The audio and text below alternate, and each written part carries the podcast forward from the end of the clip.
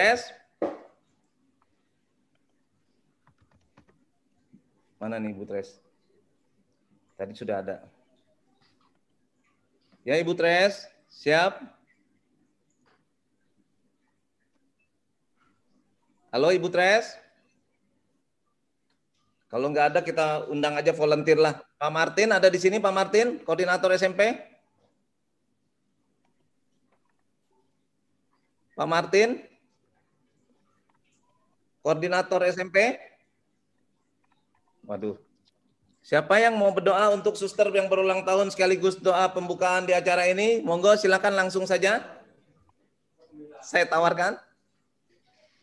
Ada dua ratus sekalian Pak Tim. Silakan.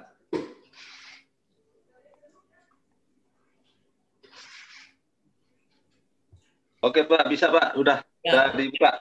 Ya Pak Martin dari koordinator SMP MPK Bogor, silakan doa pembukaan sekaligus doa untuk ulang tahun suster di hari ini 28 Oktober. Silakan Pak Martin. Baik, terima kasih Pak Roy. Eh, Romo, suster, bruder, Bapak, Ibu, mari kita siapkan hati untuk berdoa bersama mengawali kegiatan kita pada sore hari ini. Dalam nama Bapa dan Putra dan Roh Kudus. Amin. Ya Tuhan Allah Bapa kami, Engkau sungguh mulia, Engkau yang kami puji dan kami sembah. Hari ini kami bersyukur dan berterima kasih atas penyelenggaraanmu yang kau limpahkan kepada kami, keluarga besar MPK Keuskupan Bogor. Hari ini kami bertemu bersama seluruh insan pendidikan di lingkungan pendidikan Katolik Keuskupan Bogor guna menghadiri dan mengikuti kegiatan webinar yang akan kami laksanakan sore ini untuk mengembangkan profesi kami sebagai pendidik untuk mengembangkan peserta didik yang dipercayakan kepada kami dan juga secara umum pendidikan Katolik di keuskupan kami. Ya Bapak yang Maha Kasih, sertailah para narasumber dan kami semua dalam mengikuti webinar ini, sehingga apa yang kami peroleh hari ini menjadi buah dan berkat bagi kami untuk perkembangan profesi kami. Ya Tuhan yang Bapak yang Maha Kasih, hari ini punya kami juga secara khusus memperingati hari bersejarah kami, Hari Sumpah Pemuda, dan khususnya Ketua MPK Bogor, yaitu Suster Kristin yang berhari ulang tahun. Semoga Bapak senantiasa memberikan kesehatan jasmani dan rohani, kekuatan jiwa dan raga untuk menjalani hidup ini, dan juga kebahagiaan dalam pelayanannya, dalam panggilannya, maupun dalam mengayomi apa yang menjadi tugas dan kewajiban suster. Semoga kebanggaan kami meneladani apa yang menjadi kepribadian suster untuk mengembangkan pelayanan kami di dunia pendidikan.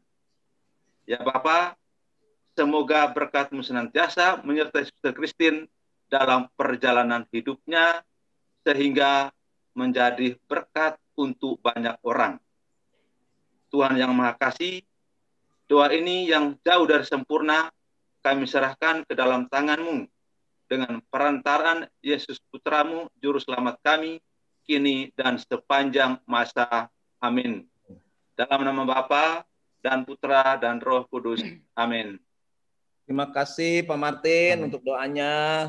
Semoga suster juga semangat terus, panjang umur dan sehat selalu. Sebelum saya serahkan Amin. ke moderator acara ini, sekedar informasi bahwa ini adalah kegiatan perdana dari pengurus MPK periode 2020-2023 untuk semua unit. Kami sudah melakukan dari tiap unit TK, SD, SMP, menyusul SMA dan SMK, tetapi secara menyeluruh untuk semua unit ini adalah yang perdana dari periode ini. Semoga ini menjadi awal yang baik. Nanti untuk selanjutnya kita akan adakan kegiatan-kegiatan lagi yang lebih berinovasi bagi guru-guru kita semuanya. Untuk itu langsung saja saya serahkan kepada tim Periplus untuk memandu acara ini. Silakan Pak Toto, monggo. Terima kasih. Baik, terima kasih Pak Roy. Bapak, Ibu, Saudari, Saudara, juga Romo, Suster, dan Bruder, selamat sore. Saya Toto Subagio dari Periplus Education merupakan kehormatan bagi kami boleh hosting untuk acara sore hari ini bersama dengan MBK, MBK Bogor. Untuk mempersingkat waktu, izinkan saya share screen.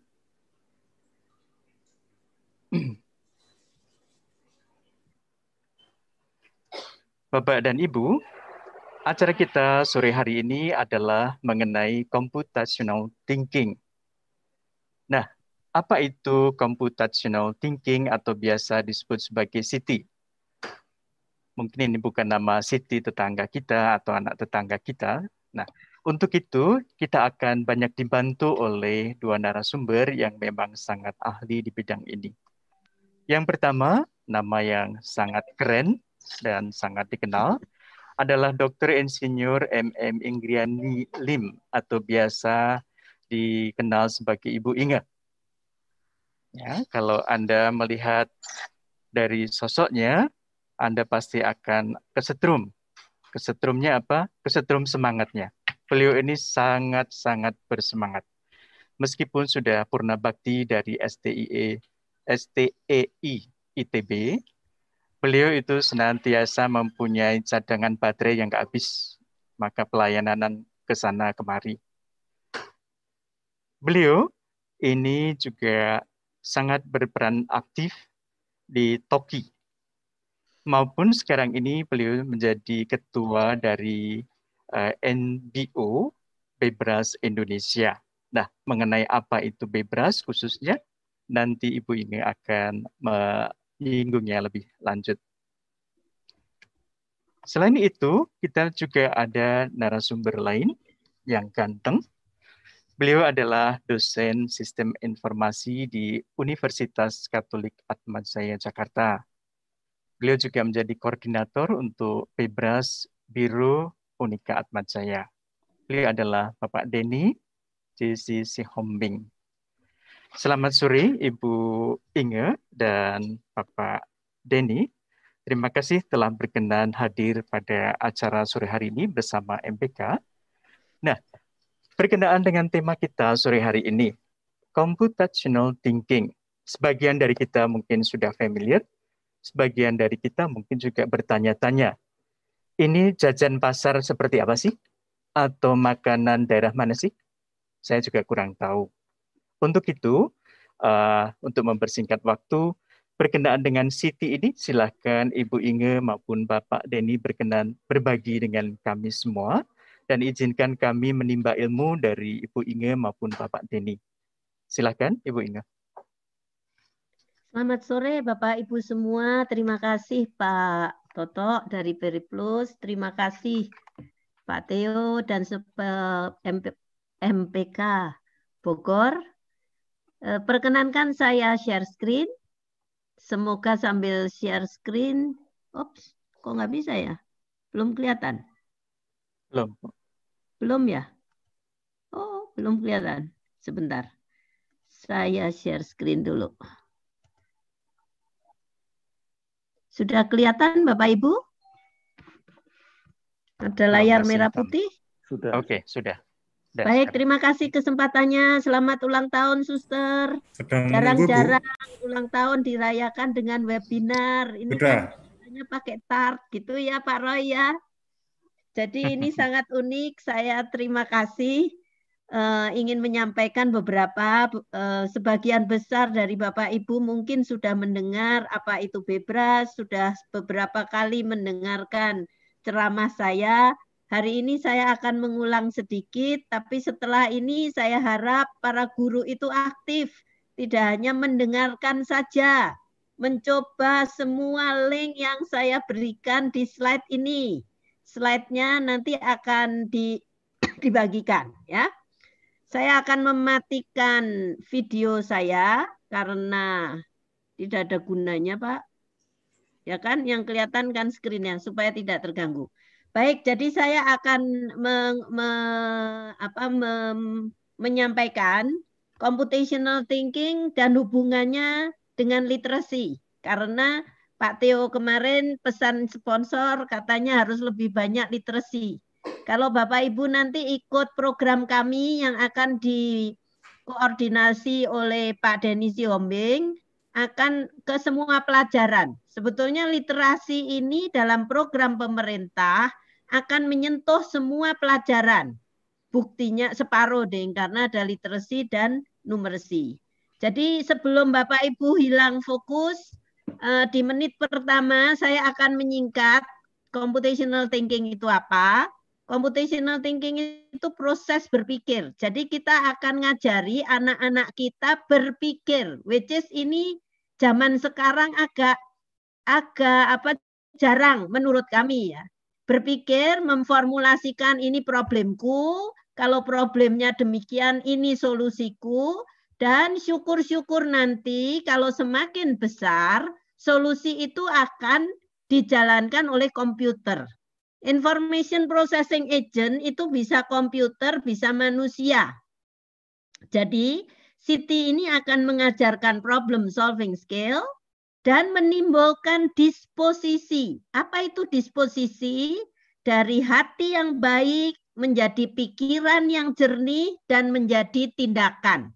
Jadi seperti eh, kata Yesus, pergilah berbuatlah. Computational thinking ini bukan hanya mikir-mikir seperti filosof tapi tidak ngapa-ngapain. Jadi intinya computational thinking itu problem solving, efektif, nanti akan ada tambahan efisien, optimal, dan hanya ada empat uh, yang disebut empat cornerstone, yaitu empat um, fondasi, yaitu AADP. Apa itu AADP? Abstraksi, hanya memilih yang penting, yang tidak penting dibuang, bukan dibuang, artinya kita harus fokus ke hal yang penting. Uh, algoritma menulis langkah yang runtut itu diperlukan di semua pelajaran. Bayangkan kalau jawab ujian langkahnya tidak runtut, maka tidak karu-karuan. Jadi algoritma ini bukan sekedar menulis program komputer. Menulis apa pun harus runtut. Kemudian dekomposisi ini melihat benda sebagai struktur. Kalau Bapak Ibu lihat orang, Bapak tidak melihat sebongkah orang, tapi lihat kepala, mata, kaki, tangan. Kalau lihat rumah, maka Bapak Ibu akan lihat atap, dinding, pintu, kemudian anak tangga. Itulah dekomposisi. Karena kalau dengan melihat dekomposisi benda, nanti kalau punya persoalan yang ruwet dan besar, kita bisa menyelesaikan satu persatu. Berikutnya membentuk pola solusi sehingga seperti membuat baju itu punya patron. Jadi tidak setiap buat baju kita membuat lagi dan membuat lagi sehingga lebih efektif dan efisien. Jadi inilah computational thinking proses berpikir, problem solving, optimal, efektif, efisien, empat pilar AADP. Saya ingin memberikan contoh yang mungkin sering diingat di tempat lain, membuat sambal. Kalau Bapak Ibu membuat sambal dengan untuk 4-5 cabai, Bapak Ibu ngambil cobek.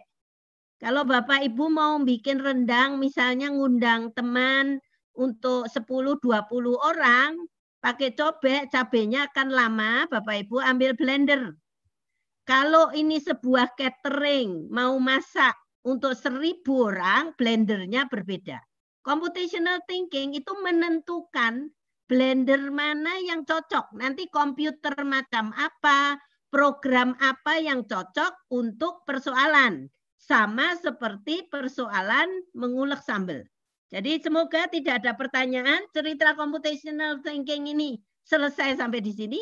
Kayak Pancasila itu ada lima sila. Sisanya adalah melakukan dan melakukan. Karena kalau Anda bisa anaknya itu dibina untuk computational yang baik, saya jamin literasi, numerasi, AKM itu tidak perlu ditakuti. Mengajar anak jadi enak karena dia terbiasa punya pola pikir. Kenapa perlu? Tentunya saya akan singkat, kita berada di dunia industri 4, di mana-mana komputer, IoT, kamera. Kalau industrinya 4, masyarakatnya harus 5, masyarakat 5.0 ini hidup di dua dunia.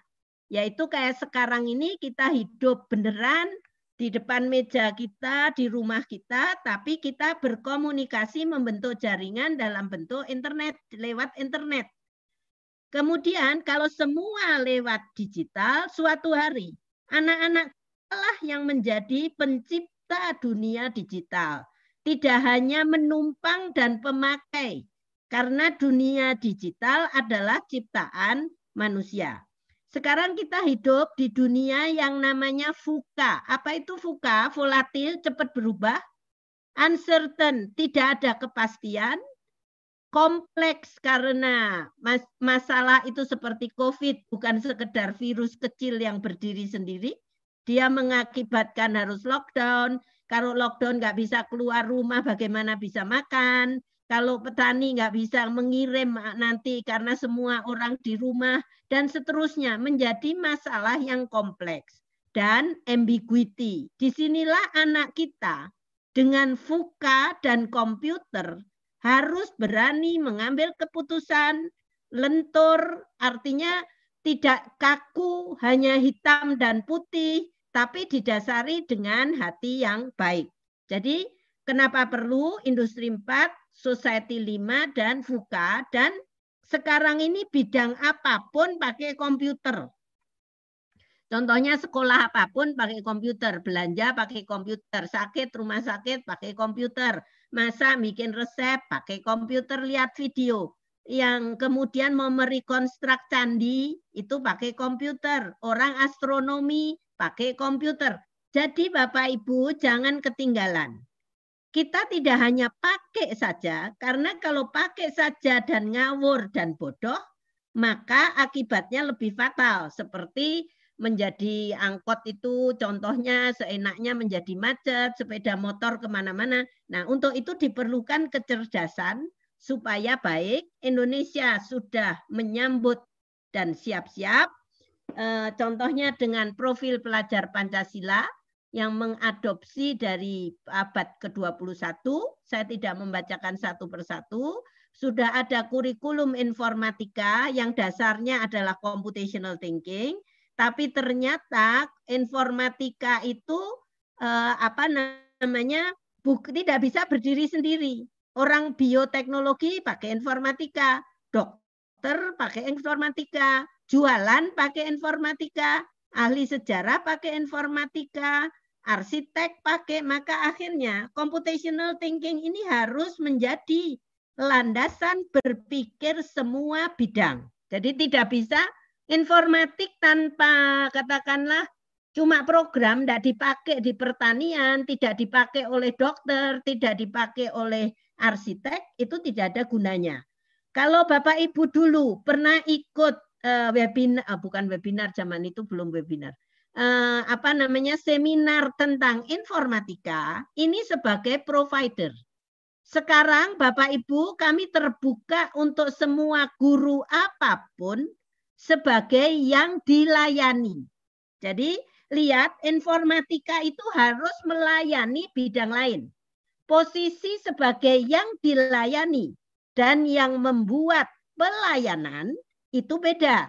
Jadi saya sekarang terus terang berada pada posisi siapa pun yang perlu informatika. Nah, keperluan pertama itu oleh Pak Teo disampaikan AKM. Semua guru itu bingung, ribut soal AKM, padahal AKM ini sudah kalau sekolahnya benar, kalau computational thinkingnya benar, mau diuji apa pun ya tidak usah takut. Kayak kalau Anda sehat, mau setiap hari disuruh periksa darah, disuruh periksa apa namanya tensi, ya akan baik-baik saja. Tapi kalau Anda ini tidak sehat, ketakutan mau ke lab seperti saya, bukan ketakutan, saya tidak ada waktu, sorry, ditanya lain. Jadi lihat harus siap siaga dan Bapak Ibu sudah ada permennya, sekarang petunjuknya sudah jelas, nanti akan ada link-link yang saya bagikan. AKM ini kelas 5, 8, 11, bukan ujian akhir. Kenapa kok di kelas 5, 8, 11? Kalau asesmennya nanti kurang, yang kelas 5 masih punya setahun untuk siap-siap. Yang SMP masih punya setahun. Jadi inilah kenapa dia bukan di kelas akhir dan bukan untuk kelulusan. Nanti selain AKM, literasi numerasi ada survei karakter, yang disurvei bukan hanya siswa, tapi siswa dan guru dan juga lingkungan kepala sekolah. Jadi kepala sekolah pun akan di uh, di review. Sebetulnya saya udah dua tahun yang lalu ikut memberikan ceramah di MPK. Saya tuh ngomong tentang PISA, PISA tes. Ya, ini kalau kita itu anaknya lulus PISA tes pasti lulus AKM. Malangnya kita ini prestasi pisahnya rendah. Eh, kenapa literasi dan numerasi penting? Ini informasi untuk guru-guru SD. Lihat di masa COVID, khususnya di masa COVID, pemerintah menyiapkan modul khusus karena PJJ dan pelajaran COVID ini tidak sama dengan normal. Nah, Bapak Ibu ngajar lewat Zoom itu beda dengan ketemu maka pemerintah melakukan abstraksi tadi, computational thinking yang diberikan. Jangan memaksakan zaman tidak normal, pakai PJJ, COVID, sekolahnya sama saja dengan tidak normal. Nanti Bapak Ibu akan lihat banyak sekali buku yang Bapak Ibu sudah download. Sekarang ini sudah sampai bulan kelima. Mungkin banyak yang belum tahu Eh, kalau ada pertanyaan nanti silahkan. Eh, kebetulan saya di dalam tim pengarah untuk pengembangan ini untuk menginfuskan bahwa aspek computational thinking di apa namanya diinfus ada pada literasi dan numerasi. Jadi lihat nanti di kurikulum yang disederhanakan pun computational thinking ini tidak akan muncul di mata pelajaran kayak critical thinking itu tidak ada pelajarannya. Problem solving itu tidak mata pelajaran, tapi harus dilakukan. Jadi bersiap-siaplah nanti guru SD harus menginfus, SMP itu kan apa namanya sudah mulai informatika sebagai pilihan. Semoga semakin banyak nanti yang akan ikut dan di SMA. Saya pernah menyampaikan lihat eh, literasi ini kalau PISA itu ada tiga macam. Membaca, matematik, sains, ini isinya computational thinking. Karena mengevaluasi, merefleksi, mencapai tujuan dengan efektif, itu computational thinking. Yang ini tadi mengolah data, itu computational thinking. Menginterpretasi atau memaknai, ini computational thinking. Jadi di PISA ini nanti mulai 2022, PISA ini akan diundur. Computational thinking menjadi bagian penting dari matematik dan termasuk di semua bagian. Dan lihat berpikir anak itu dari kecil sampai umur 15 tahun itu berjenjang. Kita tidak mengajar anak SD sama dengan SMP sama dengan SMA. Saya pernah menyajikan ini kemarin di di seminar nasional MPK. Saya tidak akan membacakan, tapi hanya ingin memberikan gambaran kemampuan yang makin besar. Ini kan level 6 ini umur 15. Jadi kalau Anda ngajar SD, kira-kira nanti 3 sampai 4. Karena 5 6 ini harusnya dicapai di SMA. Malangnya anak SMP, eh, sorry SMP, Anak SMP kita tuh sekarang masih di level 2. Lihat, level 2 ini membaca barang yang presisi, kemudian hanya hubungan, bukan yang lihat multiple inference, penalaran yang majemuk, membandingkan, melakukan kontras, teksnya itu belum familiar tadi Fuka. Jadi anak itu dikasih teks yang belum pernah dibaca, belum ngerti topiknya pun, misalnya tentang apa ya, misalnya nuklir yang apa gitu. Tapi untuk bahan bacaan SMP dia harus bisa menjawab. Lihat, saya tidak membacakan detail, tapi intinya makin ke atas makin menalar, makin macam-macam yang harus dirangkup. Jadi dekomposisi itu kan eh, yin dan yangnya menjadi bagian itu tadi. Maka nanti tolong dipelajari, kalau tidak bisa bahasa Inggris jangan mengeluh, di copy paste, ditaruh di Google, di translate, Bapak Ibu akan mengerti. Karena kalau Anda tidak mengerti capaian ini, bagaimana ngirim anak ke AKM? AKM itu ya ini. Cuma karena kita ini rendah, mungkin nanti akan sedikit lebih rendah. Tapi enggak juga sih. Jadi tidak boleh kalau anaknya rendah terus tesnya direndah-rendahin kan. Kita kan harus menerima kenyataan. Lihat keterampilan berpikir tingkat tinggi itu penting. Dan yang uh, harus Bapak Ibu catat dari slide ini, nanti kalau dibaca lagi sore-sore, kita itu tidak cukup mengajar anak satu sistem. Kalau satu sistem itu cuma matematik, cuma fisika, itu selalu menjadikan pengetahuan jawabnya ya atau tidak kita itu harus ngajari multi sistem. Nanti Bapak Ibu lihat numeracy STEM itu karena multi sistem tidak iya atau benar. Anak itu harus melakukan judgement, pengambilan keputusan yang mana yang lebih baik. Kayak contohnya kalau COVID itu, kalau lockdown total, yang lebih baik contohnya oke, okay, kalau semua lockdown total nggak ada yang ketularan. Tapi kalau akibatnya bayangkan tidak pernah lockdown itu 100% tidak ketemu orang, tidak ngapa-ngapain. Hidup ini jadi susah. Maka bagaimana cara tanpa kontak ngirim makanan? Nanti jangan-jangan dia bukan mati COVID tapi mati kesepian dan tidak makan karena terisolasi. Karena manusia ini makhluk sosial. Ini sebuah contoh. Jadi Bapak Ibu nanti pembelajaran ini akan lebih berarah ke multi sistem. Kalau anak hanya diajar ngapal, ngerti bacaan itu, bahan yang sama diulang tiap tahun, mulai seanaknya sampai eh, mamahnya sampai anaknya sekolah lagi ke situ, cucunya ke situ, ya udah ketinggalan zaman. Ya. Nah, computational thinking ini perhatikan literasi apa pun dasarnya berpikir. Mungkin memberikan aspek berpikir cara lain itu lebih susah computational thinking ini lebih gampang karena cuma AADP. Kenapa? Karena ujung-ujungnya mau mendelegasikan solusi ke komputer. Komputer itu barang bodoh.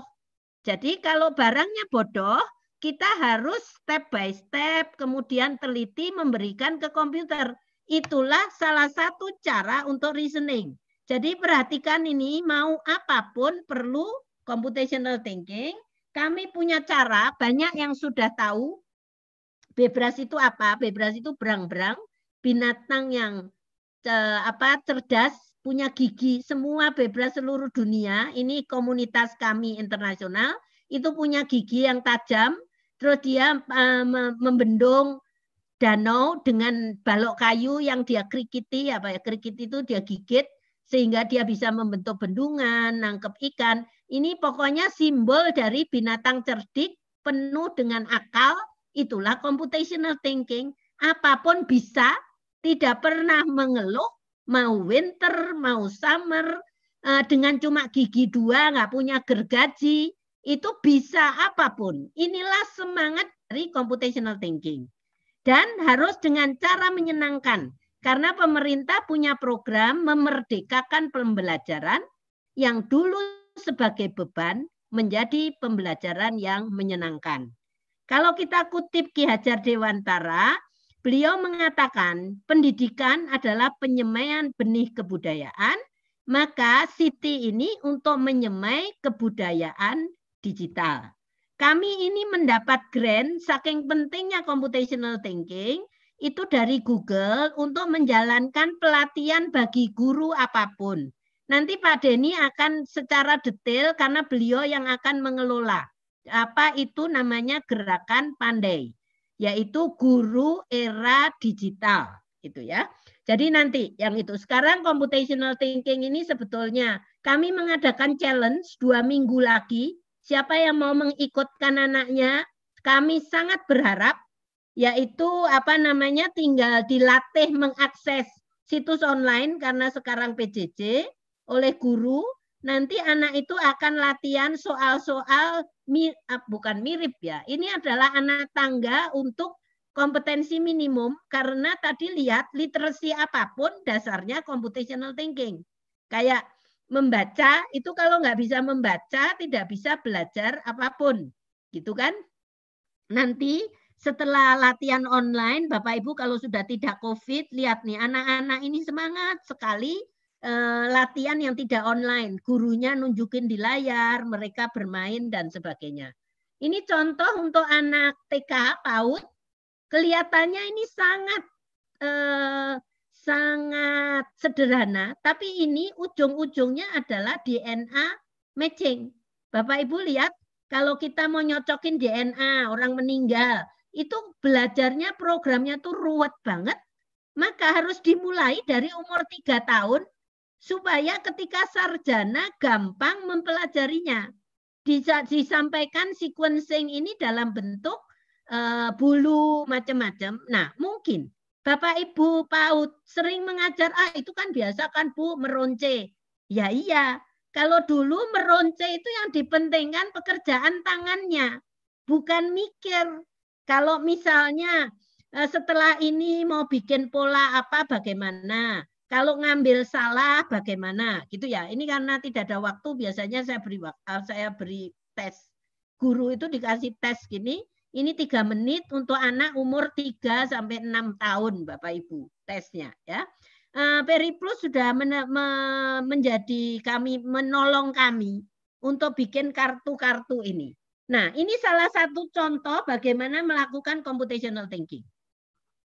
Perhatikan eh, selalu dikemas dalam cerita yang menarik. Ini ceritanya anak jalan-jalan harus mengunjungi semua rumah, kalau mengunjungi rumah itu ada ongkosnya, ada yang tidak pakai ongkos. Yang ada batunya dia tidak bisa lewat. Nah, kalau ini diselesaikan, berapa ongkos minimum? Kalau anak ini tidak pakai computational thinking, maka anak ini mencoba satu persatu menjadi ruwet. Atau anak itu males pakai bimbel-bimbel, itu dikasih jawaban ABC, jawabnya dibalik. Jawaban dibalik pun, misalnya ada jawaban 15, dia akan ngitung. Nah, ini ruwet. Tapi kalau orang berpikir jernih, melakukan abstraksi, tadi AADP, kalau yang tadi itu sequence adalah pattern, lihat. Saya berpikir kalau dia tidak ada ongkos, bisa saya satukan. Kalau ini ada tujuh dengan sembilan, yang sembilan bisa saya buang. Semua jalanan batu ini tidak penting karena ada pun tidak bisa dilewati. Itu tadi. Membuang yang tidak penting. Itu abstraksi. Akibatnya saya mendapat graf yang super sederhana. Dari graf yang sederhana ini ngitung ongkos jadi jauh lebih gampang. Lihat ini 6 dan 7 pasti saya milih 6. Tapi kalau berikutnya 9 saya mentok di sini. Jadi lebih baik 6 balik 7, 7, Kemudian, oh enggak sebentar. Uh, 6 balik 7, 7, 9 ya. Ter, oh enggak, enggak bisa. Enggak, cukup dua kali kok ini. Ini ke sini, sebentar. Oh, sorry. Maka lihat 6, 7, 7 berapa? 9. Terus ya terpaksa dia nah dari sini dia ke sini ya. Oke, jadi inilah cara untuk menyederhanakan persoalan anak itu mainan, tapi Bapak Ibu harus menjelaskan ini sebetulnya uh, teori graf kalau ilmu informatika tingginya. Nanti kalau pesen Gojek itu sebetulnya dibaliknya begini, tapi simpelnya ini ribuan bahkan jutaan. Nah, anak itu sebelum menjadi nanti programmer Gojek atau bahkan dia itu nyari tarif paling murah, mencari jalan kalau supaya tidak kesasar, maka dia menerapkan computational thinking. Terus ini contoh antrian, ini sebetulnya di baliknya ada cerita ilmu apa pun. Kalau Anda ini nanti ilmu ekonomi, bankers, ini ngatur berapa teller. Kalau kami komputer itu menjadi round robin. Lihat, inilah cara mengajar di mana satu situasi sehari-hari bisa menyangkut ilmu apa pun. Inilah hakikat dari computational thinking. Ini mencari sequence, urutan menari. Ini adalah representasi dari program komputer yang step by step yang ruwet. Nanti silakan sore-sore dikerjakan karena saya cuma punya 30 menit, maka tidak ada waktu untuk membahas. Nanti kalau ikut programnya Pak Denny, akan diajari cara membahas, tapi tidak ribuan soal. Beberapa soal saja. Setelah Anda nangkep beberapa soal, kalau polanya sama, Anda akan bisa menghadapi soal apa pun. Jadi itu nanti detailnya ada di program kalau Anda mau ikut program kami ya. Gratis programnya itu. Uh, tapi ya harus gratis itu artinya harus mengalokasikan waktu dan bersungguh-sungguh gitu ya. Jadi bebas tas ini apa? Konsepnya informatika di balik ini. Persoalan sehari-hari informatika dan Siti dijawab tiga menit pendek terus di atas kertas dan pensil dan harus menarik dan lucu Nanti setelah Anda ini mengikutkan anak, kalau mau ikut tantangan bebras ini bukan untuk lulus atau tidak lulus. Anak itu pertama kenal, kemudian senang. Kalau senang, tiap hari dikasih satu dua soal di kelas itu menjadi bahan diskusi, menjadi kasus. Kalau nanti sekolah tinggi di Harvard atau di mana business case, kalau ini latihan berpikir kecil-kecil, Misalnya, kenapa sih kamu jawabnya tadi gini? Bagaimana kamu menemukan? Tadi nemu cara yang lebih singkat enggak dari teman kamu? Misalnya ada empat anak disuruh presentasi. Kalau bagian tadi kuubah, bagaimana? Nah, jadi inilah dipakai dengan mainan soal tiap hari. Dia mengkonstruksi pengetahuan. Harus rutin karena misalnya seorang perenang untuk berenang dengan baik itu bukan teori berenang. Ya nyemplung ke kolam renang tiap hari berenang. Inilah melatih orang computational thinking. Harus senang dan harus rutin. Terus guru akan membuat varian, nanti akan diajari bagaimana membuat soal hot. Karena sebetulnya soal bebas itu adalah soal hot kami punya buku gratis, silakan di-download. Kalau mau daripada mencetak, kami itu sedang Periplus menolong kita untuk mencetakkan. Jadi kami sudah punya dari 2016. Tahun ini kalau mau tanggal 9 sampai 13 November, kami mengundang Bapak Ibu untuk mengirim apa anaknya. Tidak usah malu kalau nilainya rendah, karena justru rendah di Bebras nanti akan tinggi di AKM kalau tidak pernah mau latihan dan sebagainya, bagaimana anak itu maju?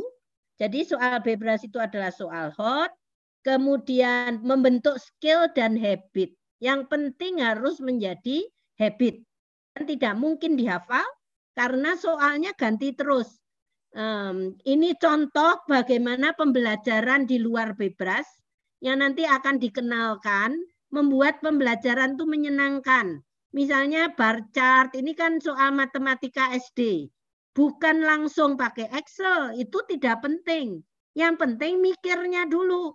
Kalau mikirnya benar, baru pakai Excel. Ini untuk algoritma, belum menulis program komputer, menulis apa pun harus runtut. Misalnya bikin sandwich, berangkat apa belanja ke pasar, bikin endomie, nyambel. Kalau anak itu bisa runtut, maka dia bisa. Ini cara lain yang nanti juga akan diperkenalkan, misalnya ngajari statistik, itu bukan mulai ngasih angka-angka, tapi dikasih permen. Kebetulan ini contoh luar negeri ya, nanti kalau di dalam Bapak Ibu bisa pakai nano-nano, kopiko, permen apa pun lah ya, bukan yang mahal, atau bisa pakai batu, biji-bijian, kacang hijau, kedelai hitam, kacang merah, ini akan sama saja itu pattern. Jadi belajar statistik lewat mainan. Karena dengan bermain anak itu senang tapi di apa namanya ditolong untuk belajar. Inilah pendekatan kami. Baru setelah pendekatan masuk ke teori, tadi sudah saya taruh di depan. Ini uh, contoh, Anda itu tidak boleh bingung. Kalau Anda buka website lain, ini ada problem, ini melihat dari segi problem solusi. Website ini melihat dari empat pilar. Kalau ini empat pilar ditambah, yaitu modeling dan simulation dan evaluasi. Nggak apa-apa, karena dianggapnya sebetulnya modeling itu adalah abstraksi, tapi ingin dimunculkan lebih jelas. Mengevaluasi ini adalah bagian dari nanti apa namanya menentukan langkah itu bisa menjadi algoritma dan seterusnya. Jadi lihat sekarang ini banyak informasi sedikit beda tidak akan membuat bingung. Yang lebih penting computational thinking ini praktek bukan teori. Karena bukan teori, maka harus proses itu harus proses prakteknya itu diselipkan di macam-macam pelajaran. Banyak yang nanya, itu judulnya computational, apa harus pakai komputer? Enggak, dia bisa untuk siapa pun karena bisa dipakai untuk apa pun. Jadi untuk bahasa literasi itu sangat diperlukan terutama untuk SD. Dan bahkan di kurikulum framework untuk internasional itu tidak ada kata-kata city. Jadi kalau dilihat dia dimasukkan sebagai aspek ketika praktek. Di sinilah praktek computational computing practices itu harus menginjek computational thinking. Ini contohnya irisannya dengan matematik dan seterusnya. Dan apa yang bukan Siti, kalau kita ngomong Siti, sekarang apa yang bukan Siti, jadi coding. Banyak orang tuh jualan, ayo belajar Siti coding. Coding itu bisa Siti, bisa tidak. Kalau dia cuma ngetik, dia bukan Siti. Tapi kalau belajar konsep berpikirnya, itulah Siti. Bukan menghafal, tapi fundamental. Kita itu me, apa, menerjemahkan manusia berpikir, bukan cara berpikir komputer mengkomplement dan dikombinasikan dengan matematik dan berpikir engineering dan kemudian kita itu ber, lebih banyak ke ide daripada artefak. Dan kalau Bapak Ibu lihat, eh, Siti ini mendidik anak budi pekerti yang baik perilakunya untuk berpikir logik. Jadi menalar. Kalau Budi pekerti biasa kan untuk berbuat baik kan. Berbuat baik juga perlu menalar mungkin ya. Tapi ini lebih menekankan ke lihat kalau menghadapi problem ini bisa nggak ya aku selesaikan lebih baik.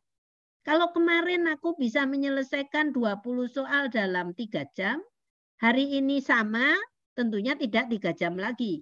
Kalau mirip, berapa jam? Nah, ini akan memberikan sense ke anak untuk selalu lebih baik, membentuk pattern tergantung ngajarnya ya. Kalau dia tidak cuma dikasih, dikasih, dikasih dan guru tidak membantu anak membentuk pattern ya anak itu akan jadi seperti robot tiap pagi menyanyi lagu habis itu selesai tidak berbekas. Ini cara guru yang mengajar yang menjadi penting. Mengorganisasi data, Nanti anak ini kalau bisa mengorganisasi data, kelas itu tidak pernah berantakan. Kamarnya tidak berantakan. Karena kamar itu adalah data, isinya buku, isinya apa. Kemudian mengusulkan solusi, langkah demi langkah ini algoritma, lihat. Membuat strategi-strategi supaya bisa menyelesaikan persoalan. Dan yang penting tahu batasan, kelebihan, kekurangan, dan constraint. Nah, pertanyaannya tadi sudah tahu kenapa perlu Siti, eh, apa itu Siti, bagaimana ngajari Siti.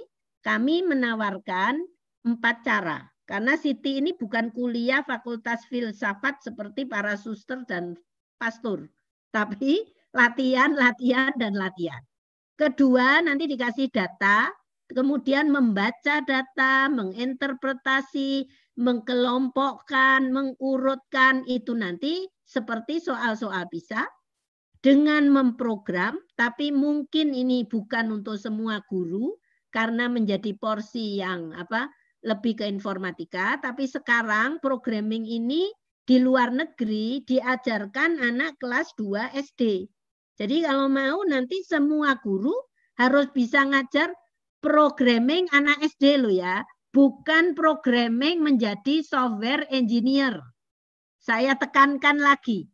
Terus jangan ketakutan dengan programming. Kami punya program itu melakukan modeling dan simulasi sehingga anak itu sebelum mengambil keputusan, contohnya misalnya mau pesan ngirim barang, eh, cari yang murah, maka dicek dulu kalau hari ini promosi di X, di Y tidak, dan ternyata X itu setelah promosi pun lebih mahal, saya akan milih yang Y.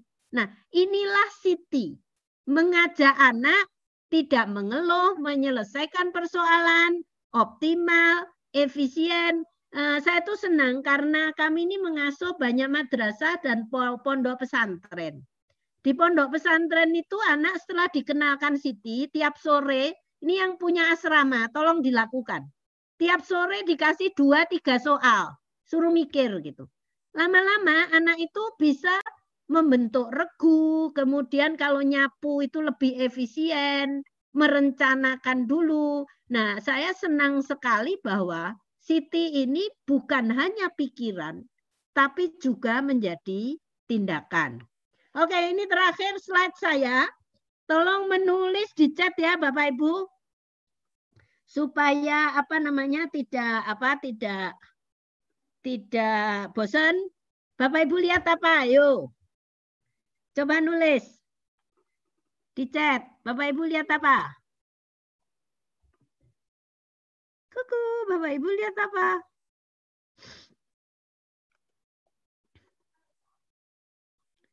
Ayo lihat apa?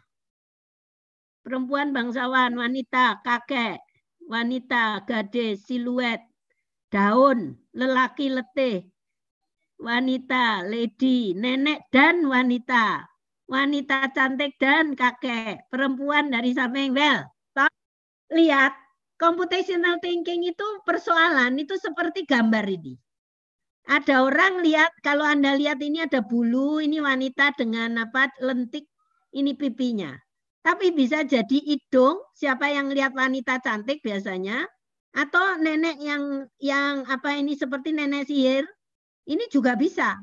Nah, inilah computational thinking nanti melihat satu benda memotret karena itu melihat struktur. Kemudian kenapa Anda bilang ini wanita cantik dan bukan wanita jelek? Anda itu punya pola.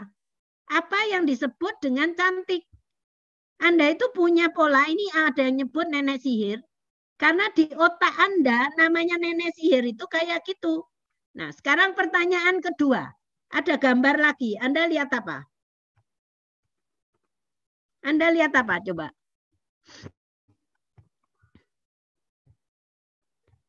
Ayo lihat apa? Ada yang peralon, hidroponik, cesim, karung, sawi, pokcai, hidroponik, tanaman, pipa, tanaman subur, daun, sawi, pakcoy, tanaman dalam peralon.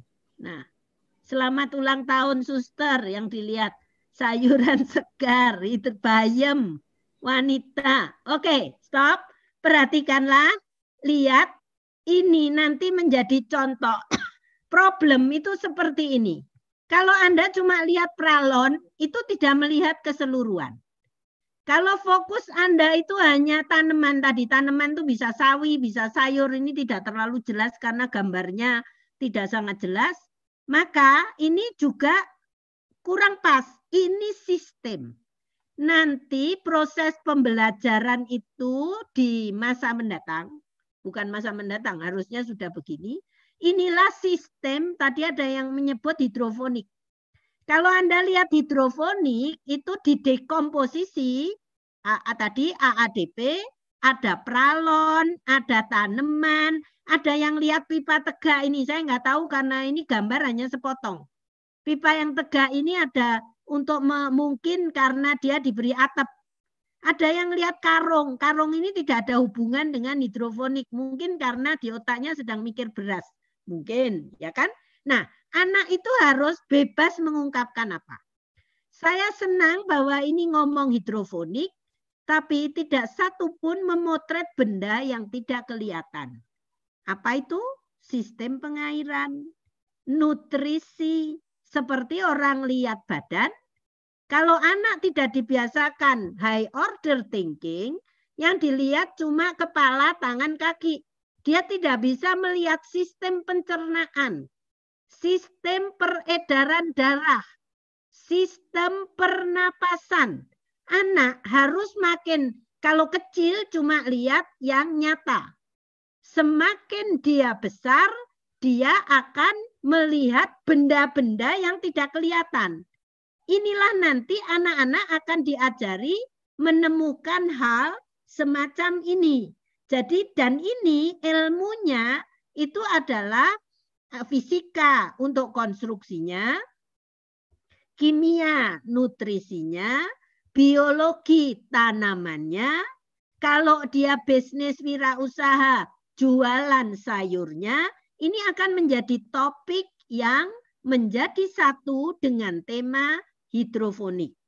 Kemudian ini berapa contoh kalau mau belajar budaya, ada rumah, lihat dengan gambar ini akan menjadi persoalan, persoalan itu apa pun.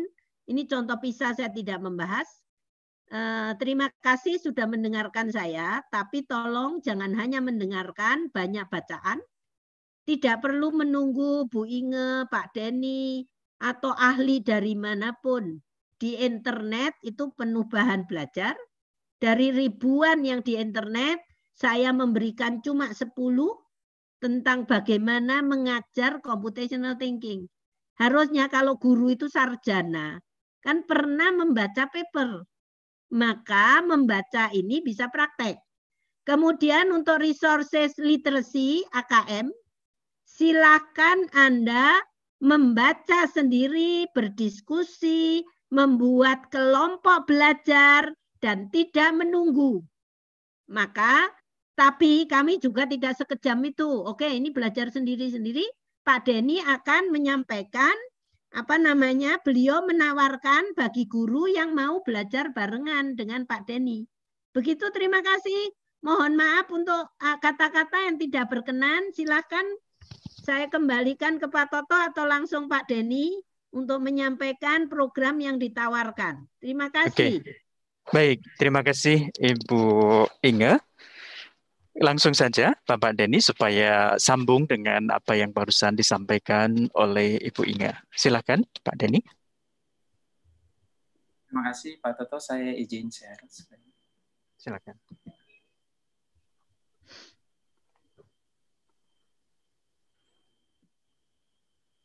Oke, baik. Selamat sore, uh, Suster, Romo, Bapak Ibu semuanya. Selamat ulang tahun, Suster. uh, tadi Bu Inge sudah menjelaskan tentang computational thinking. Nah, kami sekarang ini mengajak Bapak Ibu untuk ikut dalam gerakan pandai. Gerakan pandai, Bapak Ibu, adalah gerakan untuk mengenalkan computational thinking kepada siswa melalui guru yang nanti tujuannya adalah untuk mengenalkan computational thinking. Tadi Bu Inge sudah cerita tentang kenapa sih kita butuh computational thinking.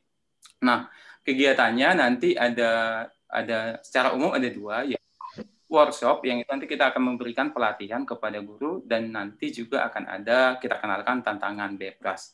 Sasarannya tentu saja guru dan siswa. Baik, uh, saya akan uh, menjelaskan tentang workshop gitu ya. Nah, kami nanti akan mendampingi Bapak Ibu guru yang guru inti atau ketua regu itu ya istilahnya sekarang karena ada guru penggerak nanti jadi istilahnya jadi tumpang tindih. Jadi guru inti nanti akan kita dampingin, uh, universitas akan mendampingi, yang didampingi oleh dosen pembina.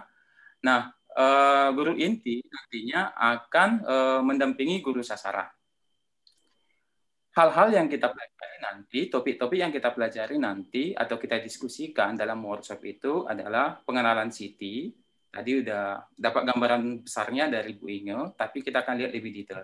Tantangan bebas sebagai salah satu metode berkenalan untuk City yang nanti dikemas secara menyenangkan. Dan kita tidak hanya mengerjakan soal, tapi kita merancang soal-soal yang hot. Gitu. Nah, eh, dalam workshop ini juga kita nanti akan berlatih bersama untuk mengimpus City ke mata pelajaran baik itu matematik, sains, dan bahasa, dan mata pelajaran lain. Harapannya nanti kompetensi yang dibentuk yaitu Bapak Ibu mampu mengajarkan Siti uh, dan mengenalkan pemampatan Siti kepada semuanya. Kami mengundang Bapak Ibu semua guru uh, persyaratan di sini adalah yaitu guru SD atau SMP dan kami juga membuka sebenarnya untuk guru SMA guru informatika, matematika, dan mata pelajaran yang lain.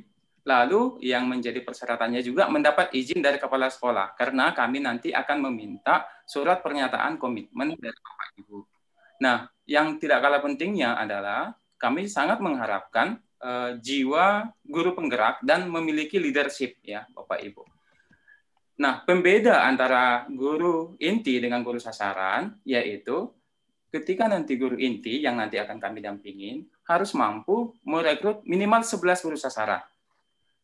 Nah, baik itu nanti yang guru dari sekolah Bapak Ibu atau sekolah yang berdekatan dengan Bapak Ibu. Kenapa sekolah yang berdekatan? Karena ketika nanti melakukan monef atau pendampingan ke guru sasaran itu akan lebih memudahkan. Untuk guru sasaran itu kami minta untuk mengajar eh, minimal 100 siswa tapi eh, tidak hanya satu rombel, rombongan belajar, bisa beberapa rombongan belajar dan eh, antar tingkat. Dan bisa juga eh, nanti untuk mengajarkan mata pelajaran mata pelajaran yang berbeda. Jadi kalau SD mungkin kan tidak hanya mengampu matematika karena wadi kelas dan lain-lain. Nah, eh, lalu nanti bagaimana sih pengukurannya? Kami melihat nanti dari testimoni Bapak Ibu, testimoni eh, karena kita lebih melihat ke suasana suasana pembelajarannya nanti Bapak Ibu nanti akan kita minta untuk memberikan testimoni dalam pelaksanaan computational thinking di kelas. Nah, Bapak Ibu nanti ketika micro teaching ke siswa juga kami harapkan untuk meminta testimoni suasana pembelajaran dari siswa-siswa. Kegiatan ini uh, akan dilaksanakan di sudah berlangsung, tapi untuk kegiatan yang kaitannya dengan guru inti dan guru sasaran itu dimulai di Oktober dan untuk Universitas Katolik Atmajaya kami sudah rencanakan untuk workshop guru inti akan dilaksanakan di November di minggu ketiga. Nah saat ini ada beberapa sekolah sudah ada beberapa sekolah yang bergabung dengan kami dan lagi uh, proses administrasi dan akan dilakukan workshop nanti di November minggu ketiga. Dan kami tetap membuka uh, membuka diri kepada Bapak Ibu kalau mau bergabung dengan gerakan ini. Nah, tadi Bu Inge sudah menjelaskan tentang kenapa kita harus uh, mengikuti tantangan bebas dan apa manfaat dari tantangan bebas atau bebas challenge. Nah, Bapak Ibu, kalau nanti uh, Bapak Ibu mau mengikut sertakan anak didik Bapak Ibu dalam tantangan bebas, boleh menghubungi kami nanti di paling lambat di tanggal 4 November gitu ya. Tanggal karena di tanggal 6 kami harus sudah mengupload daftar peserta. Nah, pelaksana tantangannya ada berbagai tingkat di sini Ibu. Untuk SD kelas 1 dan kelas 3 itu si kecil, kelas 4 dan 6 siaga dan untuk kelas SMP setingkat SMP penggalang, setingkat SMA penegak. Informasi tentang ini bisa dicek di link yang tadi sudah di-share Mas Nugi kalau tidak salah. Uh, saya tidak panjang-panjang. Ini adalah ajakan kepada Bapak Ibu kalau uh, terpanggil untuk menjadi bagian dari gerakan ini, silakan bergabung dengan kami. Saya menyertakan link juga di bit.ly slash ayok pandai atau bisa Bapak Ibu scan. Kami dari Biro Unika Atmajaya sangat terbuka untuk Bapak Ibu untuk bergabung di dalam gerakan pandai dan juga kalau anak didik Bapak Ibu mau disertakan di dalam tantangan bebas yang dilaksanakan tahun ini.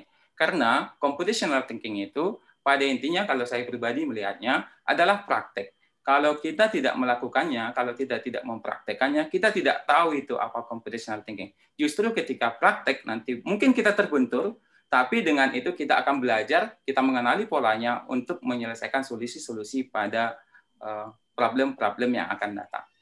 Nah, sedikit saya ceritakan tentang Biro B Unikat Majaya untuk mengenal Biro B Unikat Majaya. Kenapa ini menjadi penting computational thinking? Karena kami juga memiliki peminatan data science di prodi sistem informasi. Nah, salah satu skill yang harus dimiliki seorang data scientist adalah computational thinker.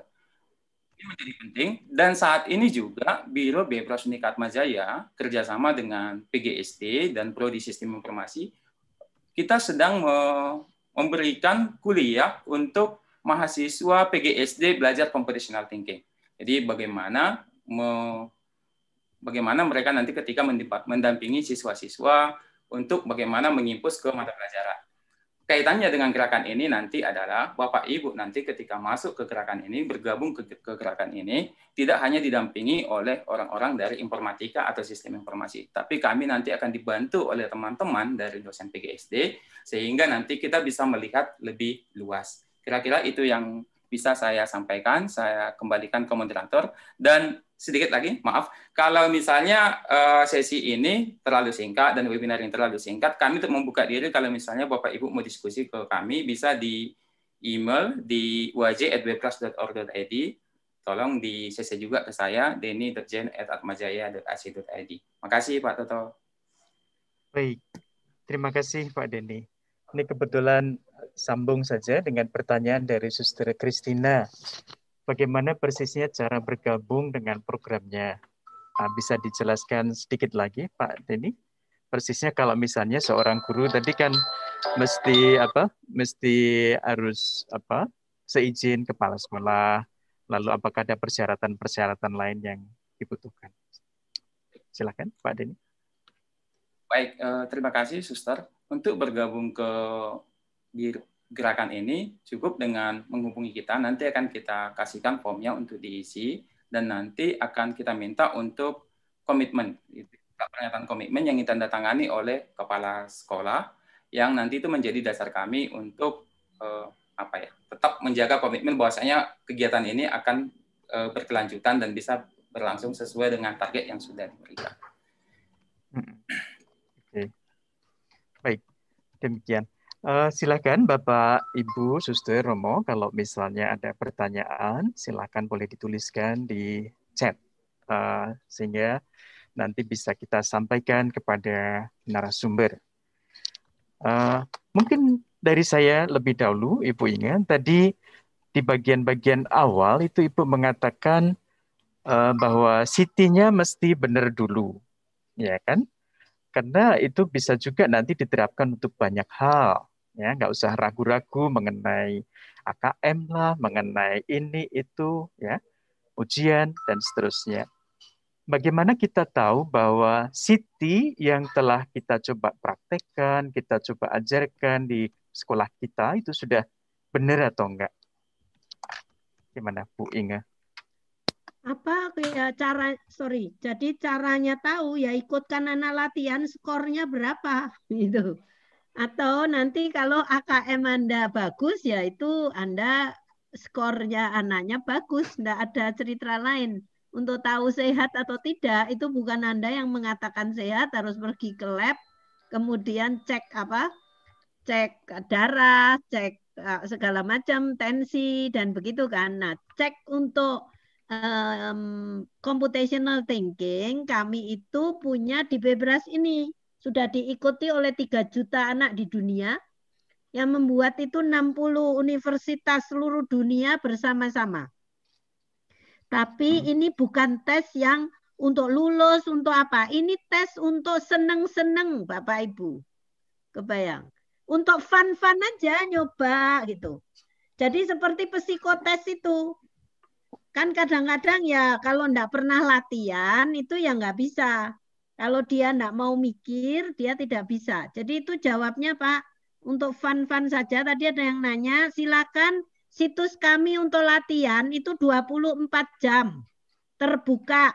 Saya sudah naruh linknya di chat. Kalau mau mencoba mengajari karena untuk ngajari murid harus Bapak Ibu apa membuat akun dulu.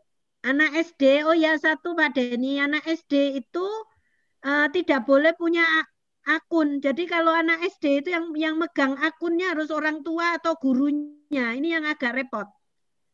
Jadi ya. nanti kalaupun lomba itu mekanismenya sedikit saya beritahukan. Lomba itu cuma anak si kecil itu 30 menit. Kalau SD itu 40 menit, SMP SMA itu 45 menit. Tapi anak itu punya durasi dua jam untuk di depan komputer. Dia akan diberi latihan pemanasan dan sebagainya. Untuk masuk ke lomba, dia akan dikirimi email, akun dan password khusus untuk lomba. Jadi berbeda dengan untuk latihan. Kalau latihan ini ada server 24 jam, kalau latihan itu nanti akan salah atau benar yang menilai itu komputer. Nah, eh, setelah kalau nanti mendaftar yang sampai 4 November ini, Bapak Ibu, anak-anaknya suruh latihan dulu yang sekarang ini dengan latihan. Sehari sebelum lomba akan mendapat besok kamu eh, mulai lomba dengan akun ini, passwordnya ini, terus dikasih satu hari arena latihan sendiri lagi. Kebayang Bapak Ibu? Jadi gini, latihan ini cerita lain. Kayak Anda bikin Gmail mau mau ngapain pun 24 jam, mau diulang-ulang itu boleh. Tapi kalau nanti namanya tantangan akan Anda mendaftar, dari pendaftaran itu Anda akan dapat akun baru hanya untuk tantangan. Jadi namanya, passwordnya tentunya anak SD harus didampingi orang tuanya. Bagaimana dengan anak SD kecil? Kalau tidak bisa membaca, orang tua boleh menjelaskan soal, tapi tidak jawaban. Kami punya tagline jujur itu keren. Jadi jangan orang tuanya juga punya persepsi supaya anakku kepampang 100 itu tidak. Orang ini seneng-senengan dan mau mencoba. Itu ya. Jadi silahkan Bapak Ibu latihan dulu, baca-baca dulu, mendaftar kepada ini, mengikut sertakan murid. Saya menyarankan kalau Bapak Ibu pertama kali mengikutkan, itu nggak usah 100 atau 1000. Tiga atau empat atau lima anak yang kira-kira tidak canggung untuk ber-PJJ. Jadi ini bukan masalah mengejar target. Jelas Bapak Ibu? Jadi uh, silahkan dengan anak kecil, walaupun ini ada satu yayasan yang sudah mengikutkan 1.500 siswa ke kami. Kami itu berharap uh, banyak sekali yang ikut sih, tahun lalu 7.000. Seharusnya kalau tidak COVID, tahun ini target kami 10 sampai 12 ribu, tapi karena COVID kan kita tidak bisa memaksakan, jangan menambah anak itu stres, jangan Anda sendiri stres, tapi juga jangan berlama-lama tidak ikut. Itu pesan saya Pak Toto.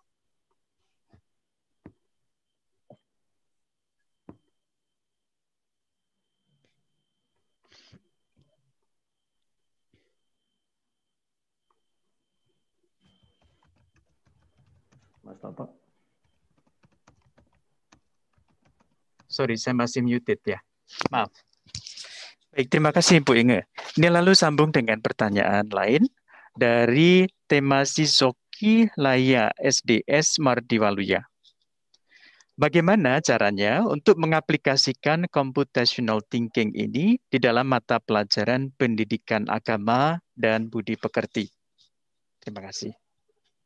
Baik, itu pertanyaan yang Bapak Ibu ndak usah maksa-maksain masukin mungkin kalau agama budi pekerti itu bagus juga karena agama itu kan tidak juga hanya menghafal. Dia harus memutuskan mana yang baik. Dia harus rutin, itu pattern, tiap hari berdoa. Menghafalkan doa, itu pattern. Santo Santa. Jadi sebetulnya Anda itu tidak usah mencari-cari, ajarkan dengan baik, high order thinking, Karena maaf saya bukan ahli agama juga, ini mengerikan ngomong di ranah agama. Cuma kan agama itu juga harus diterima dengan hati, pikiran dan juga ada beberapa memang yang kita nerima apa adanya, tapi agama itu ya itu tadi untuk memutuskan apa yang baik dan apa yang tidak baik itu kan perlu reasoning. Hmm. Jadi kasus-kasus itu anda biasanya belajar agama selain ngapalin berdoa, ngapalin lima perintah gereja, sepuluh perintah Allah itu kan hafal, tapi juga coba kamu berbuat ini di situasi mana. Kalau anak itu berbuat begini, dia itu ngikuti hukum ini atau tidak. Nah, itu kan reasoning. Itulah ranah yang di mana Siti bisa membuat pemikiran lebih jernih. Begitu. Baik. Maaf mungkin tidak menjawab karena untuk agama ini kami juga sedang uh, banyak pertanyaan, tetapi kami ah ya satu hal. Computational thinking ini vitamin Bapak Ibu, bukan mata apa bukan makanan pokok di sebuah hidangan. Di dalam konteks pelajaran. Jadi kalau Anda guru matematik, pertama-tama harus guru matematik yang baik. Ditambah computational thinking akan excellent. Kalau Anda itu guru bahasa, bahasanya dulu benar.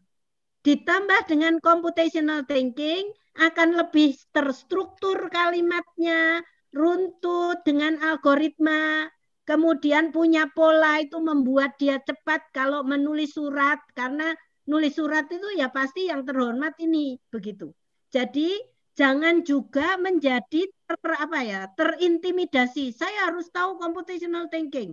Apa itu? Lakukanlah dengan natural. Jadi ini pesan saya.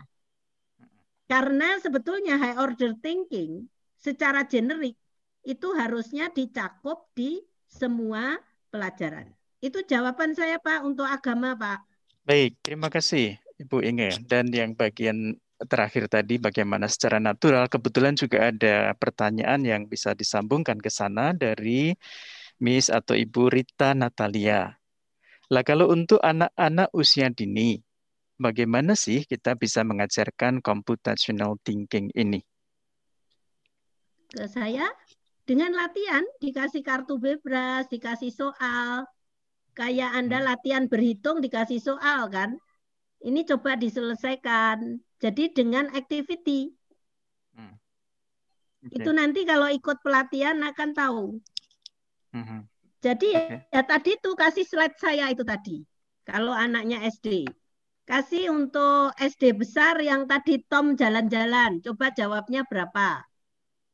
Dengan latihan mm-hmm. kayak berenang aja Bapak Ibu, kayak main piano. Anak nggak belajar teori musik dulu untuk main piano kan? Kasih dia piano, tang ting tung, kenalin baca not gitu kan? Olahraga gitu. Ya, ya seperti itu. Berdoa gitu ya. Sedikit diajari berdoa itu bikin tanda salib kayak gini. Itu upacara yang uh, dia login dan sebagainya. Dan berkenan dengan mencoba. Ah, hmm? dan berkenan latihan dengan latihan tadi ada feedbacknya langsung gitu ya ibu Inge ya di bukunya ada pembahasannya pak di buku okay. yang diterbitkan kalau okay. latihan online akan tahu jawaban itu benar atau salah kalau salah, jangan oh kamu ini semua salah semua. Enggak. -mm. Kenapa kok kamu ini salah? Diterangkan. -mm. Atau okay. lihat nak, kamu tadi jawab yang ini tapi salah.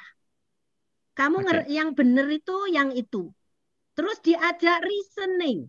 Itulah proses belajar berpikir. Uh, Oke, okay. terima kasih. Dengan demikian menjawab pertanyaan dari Ibu Luciana Cici. Masih ada lagi dari ibu atau bapak ini ya, Manalu Rumah Buta. Apakah metode Siti dapat dipergunakan dengan latar belakang keluarga anak yang berbeda? Apalagi pada masa pandemi ini, bagaimana memberikan paham kepada orang tua mengenai Siti ini?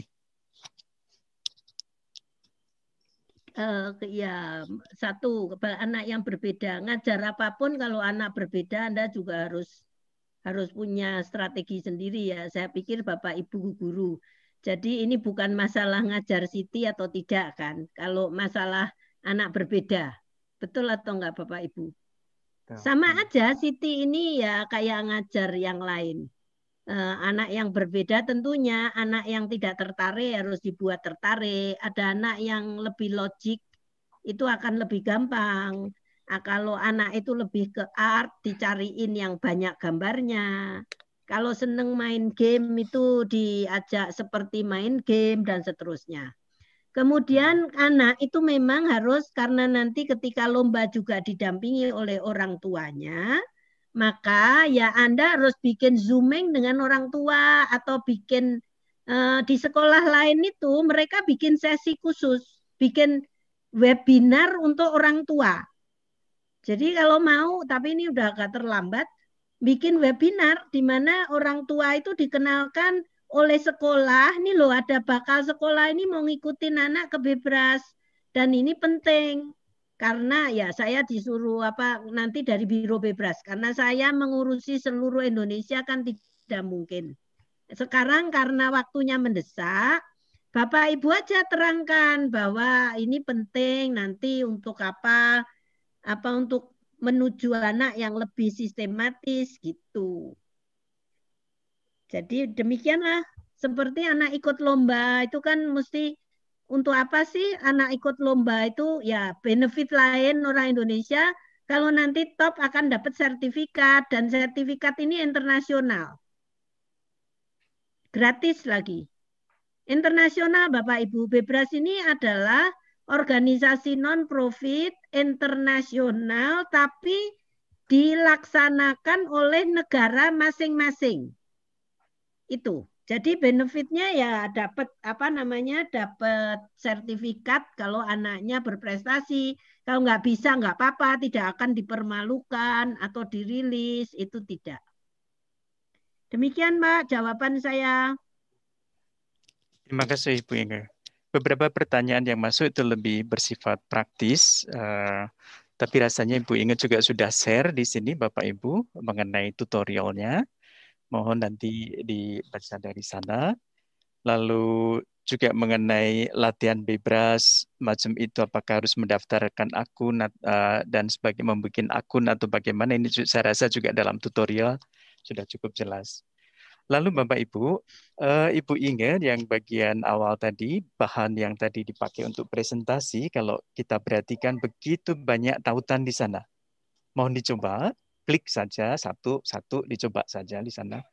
Begitu banyak resources yang bisa dimanfaatkan. Mungkin dari mengeksplorasi resources itu nanti uh, gambaran mengenai computational thinking uh, akan jauh lebih lengkap.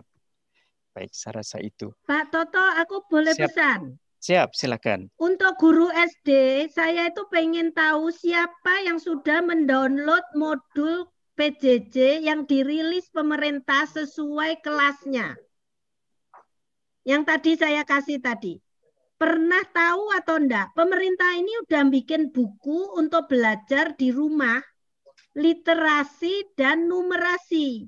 Pakailah untuk apa namanya?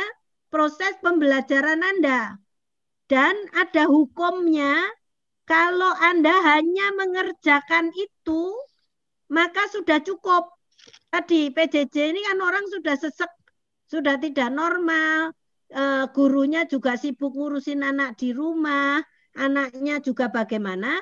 Kami itu sudah apa nak bukan kami ding. Pemerintah itu sudah memberikan solusi. Semoga dengan mendownload buku yang tadi ada di slide saya, Bapak Ibu tahu untuk SMP itu um, saya bukan timnya rasanya belum sistematis yang SD. Untuk SMP itu ada kurikulum yang disederhanakan. Jadi minimum requirement yang harus diberikan. Karena contohnya eh, praktikum yang pakai alat-alat sekolah itu jangan dipaksakan untuk ada. Jadi tolong yang SD download buku itu memang websitenya itu agak lelet, agak sabar. Kalau mau ya satu yang internetnya kenceng terus dibagi semua. Jangan semua ngedownload sendiri-sendiri. Karena buku itu di apa rancang berdasarkan tema dan subtema eh, yang apa namanya Bagus banget lah pokoknya. Terus sesuai untuk pembelajaran yang kontinum. Kalau Bapak Ibu dengar nanti kurikulum itu akan ditata sehingga eh, tadi ada yang nanya, Bebras itu untuk kelas berapa? Bebras itu nggak ada kelas. Kalau SMP semua sama, karena anak itu nanti akan punya ruang capaian itu diukur SMP, bukan kelas 1, kelas 2, kelas 3.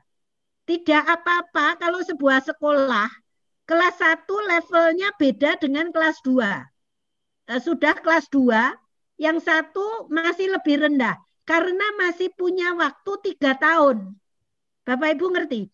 Jadi tidak semua itu harus minggu pertama mengerjakan ini. Kedua ini, belajar itu nanti ada kontinumnya dan teaching at the right level. Artinya, misalnya satu sekolah itu 90% muridnya dari yayasan yang sama, sekolah yang sama. Untuk meneruskan, dia gampang. Maka di tahun pertama, semester pertama, itu lebih cepat maju dibanding sebuah sekolah yang muridnya dari banyak sekolah lain. Maka dia membuat semacam matrikulasi, penyamaan, supaya nanti di ujung satu tahun hasilnya sama. Nah, pemerintah itulah yang disebut dengan pembelajaran yang merdeka. Semoga menambah pencerahan ya Bapak Ibu. Jadi tidak harus semua orang ngabisin bahan yang sama. Ada bahan yang minimum. Tapi sekolahan yang bagus harus lebih dari yang lain. Begitu. Itu tambahan Pak Toto. Karena siap. kemerdekaan ini akan me, harus guru itu mengubah mindset. Betul. Baik. Terima kasih, Bu. Jadi beratnya walaupun semua mesti penuh itu sesuai dengan kapasitasnya, Bu ya. Jadi antara ember dengan botol harus sama-sama penuh, tetapi botol dan ember ukurannya pasti berbeda. Baik, Bapak dan Ibu, eh, tak berasa di waktunya cepat sekali ya, dua jam udah kita hampir eh, di penghujung acara. Uh, mungkin beberapa hal boleh saya sampaikan. Tetapi belum belum saya sampaikan, apakah Pak Denny ada juga yang mau disampaikan kepada audiens?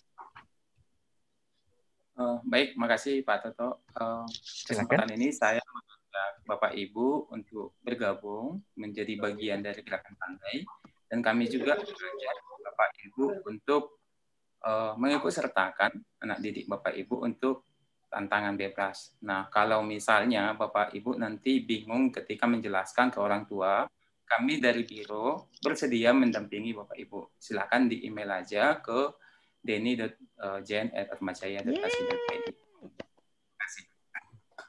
Nah. Tuh, ada nah. Pak Denny. Langsung ada yang dampingin. Nah. Yep. Mm -mm. Ya, ya, bagus. Baik, terima kasih. Lalu juga uh, Ibu Inga di bagian akhir masih ada satu dua patah kata yang mau disampaikan? Tidak ada. Terima kasih okay. Bapak Ibu guru tetap semangat di masa PJJ. Mm-mm. Jadikan Bebras ini selingan yang menantang dan bukan tambahan beban. Oke. Okay. Terima kasih Bu Inga. Baik, Bapak dan Ibu, dari pembelajaran sore ini mengenai computational thinking, satu hal yang selalu saya lihat dan diulang-ulang oleh Ibu Inge karena begitu pentingnya adalah soal latihan. Latihan, latihan, dan latihan. Nggak ada cara lain. Dan tadi disampaikan mengenai metafora uh, binatang bebras adalah berang-berang. Uh, beaver sebenarnya ya. Beaver itu binatang yang sangat cerdas. Dia bisa mengantisipasi bahwa mereka butuh air, maka membuat dam di apa sungai begitu ya. Mereka bikin bendungan sehingga bisa membangun rumahnya di tengah pada musim salju atau musim uh, ketika winter, mereka juga sudah mengantisipasi apa-apa yang harus disiapkan. Dengan cerdas mereka selalu mengecek bagian mana dari dam itu yang uh, kadang butuh diperbaiki. Nah, jadi latihan, latihan, latihan, dan latihan itu pula yang dilakukan oleh beaver-beaver yang masih muda. Melihat orang tuanya melakukan itu dan mereka ngikutin. Tapi lama-lama menjadi skill kehidupan mereka. Nah, saya rasa kita juga mesti berani untuk berubah di bagian itu. Meskipun sebagian besar dari kita status ofisialnya adalah guru, tetapi kita senantiasa adalah murid. Murid dari kehidupan ini sendiri yang diharapkan senantiasa mempunyai kerendahan hati untuk belajar, belajar, belajar, dan belajar. Berarti apa? Latihan, latihan, dan latihan. Maka kalau kita mendampingi anak-anak kita dan kita berharap mereka juga berkembang bagus di dalam computational thinking, tidak ada cara lain selain dimulai dari kita sendiri. Sebagai guru yang dampingin mereka, kita berani belajar, kita berani latihan, latihan, dan latihan. Saya rasa itu yang bisa saya sampaikan untuk eh, merangkum apa yang tadi dengan panjang lebar disampaikan oleh Ibu Inge, lalu secara teknis praktis tadi juga dijemput oleh uh, Bapak Denny. Kalau ada Bapak dan Ibu yang berkenan untuk latihan, latihan, dan latihan itu. Ada sarananya. Baik, uh, sebelum kita tutup acara kita pada sore hari ini, teman-teman dari tim dari Plus ada sesuatu yang mau dibagikan. Apakah Mas Joshua, Mas Tommy, sama Mas Nugi ada yang mau di-share? Ya, terima kasih. Siap. Halo, kami sudah mengacak peserta aktif berdasarkan chat box yang ada. Maka coba kami undi pemenangnya adalah Yeay. Bentar. Saya masuk enggak? Saya ini lagi diacak oleh Mas Joshua. Menangnya Ibu. ada tiga.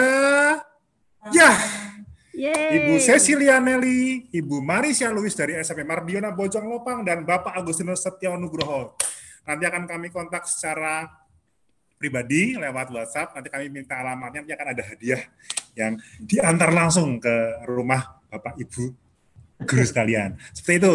Jadi kami tidak bisa menampilkan mesinnya karena menghemat waktu. Begitu Mas Soto, ada tiga, Bu Cecil, Bu Maria, dan Bapak Agustinus Setio. Terima kasih. Selamat. Selamat untuk para pemenang. Terima kasih Mas Nuki dan tim di belakang layar yang bekerja keras membantu kita. Baik, selanjutnya saya haturkan kembali kepada Pak Roy dan tim dari NPK Bogor. Silakan, Pak Roy. Oke, Pak Toto, terima kasih. Sebelum mengakhiri acara ini, mungkin saya beri kesempatan dari Bu Inge dan Pak Denny ada ingin disampaikan sebagai penutup kata-kata emas dari Bu Inge atau Pak Denny sebagai pesan buat guru-guru kita yang penuh semangat ini dari MPK Bogor? Silakan Bu Inge ada? Pak Denny dulu. Oh, Pak Denny dulu, yang muda ya, yang muda. Silakan Pak Denny. Uh, kasih Pak. Uh, ini uh, momennya Sumpah Pemuda sebagai pemuda, gitu ya. Mari menjadi bagian dari solusi dengan menjadi computational thinker kasih Pak Ibu. Singkat, padat, berisi. Ya. Silakan Bu Inga, ya, sesepuh kita. Jadi apa namanya? Tolong Bapak Ibu silakan bergerak, jangan ragu. Terima kasih kepada Pak Denny. Beliau ini volunteer Bapak Ibu. Kami ini para Biro Bebras itu semuanya volunteer, relawan yang mau menjadi perpanjangan tangan kami untuk menyentuh dan menghampiri para guru. Jadi silahkan jangan dimanfaatkan ya Pak Denny, tapi bekerja sama dengan Pak Denny. Jadi kalau dimanfaatkan itu kesannya kan lain ya. Tapi silakan kita berkolaborasi, bergotong royong untuk anak Indonesia yang lebih baik di bidang informatika dan computational thinking. Selamat berjuang, Terima kasih MPK Bogor hebat. Bapak Ibu guru hebat. Terima kasih. Terima kasih. Ingat. Terima kasih aplaus. Ya, aplaus ya. Sebelum kita tutup doa penutup oleh koordinator SMK, masih ada dua yang saya ingin kata penutup sebagai kata emas dari beliau-beliau kepada guru-guru kita. Di sini ada Pak Teo Wargito sebagai pengurus MNPK dan juga nggak afdol kalau yang ulang tahun kita ingin beri kesempatan sekali lagi untuk memberikan kata-kata penutup sebagai kunci setelah paparan dari Bu Inge. Dari Suster dulu dah. Silakan Suster, Ketua MPK. Suster Christine. Masih ada? Masih, masih. Pak Teo dulu dah, Pak Teo. Silakan Pak Teo dari MNPK. Pak Teo. Ya, eh, sebetulnya tidak ada. Hanya begini saya ucapkan terima kasih ke Bu Inge. Dan ya ini baru sekian persen dari MPK-MPK yang menerima atau yang menyelenggarakan tentang City ini. Jadi Bu Inge nanti dan berikutnya memang ada beberapa MPK yang lain yang harus juga ikut mendapatkan materi yang sama sih. Kalau eh, sebagian mungkin ad, belum ada 50% dari sekian eh, MPK yang sudah menyelenggarakan tentang eh, City ini. Begitu kan Bu Inge nanti? Gitu. Ya, okay. Iya Pak, untuk MPK, MNPK.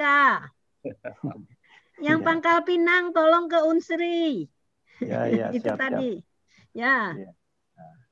Baik, saya rasa begitu. Lalu kalau berkaitan dengan AKM ya sudah disampaikan ke Bu Inge tadi bahwa ketika kita ya, nanti. bisa memanfaatkan City ini, maka ketika ada asesmen kompetensi minimum, maka sebetulnya tidak akan menjadi apa momok bagi sekolah-sekolah. Artinya teman-teman yang di unit-unit sekolah pasti sudah siap gitu kan. Walaupun memang payung hukum ataupun regulasi tentang AKM sendiri juga belum ada. Artinya yang sudah ada kan hanya diberhentikannya tentang UN tahun lalu kan melalui surat edaran nomor 4 itu. Itu kalau untuk secara regulasi permen gitu juga belum belum ada.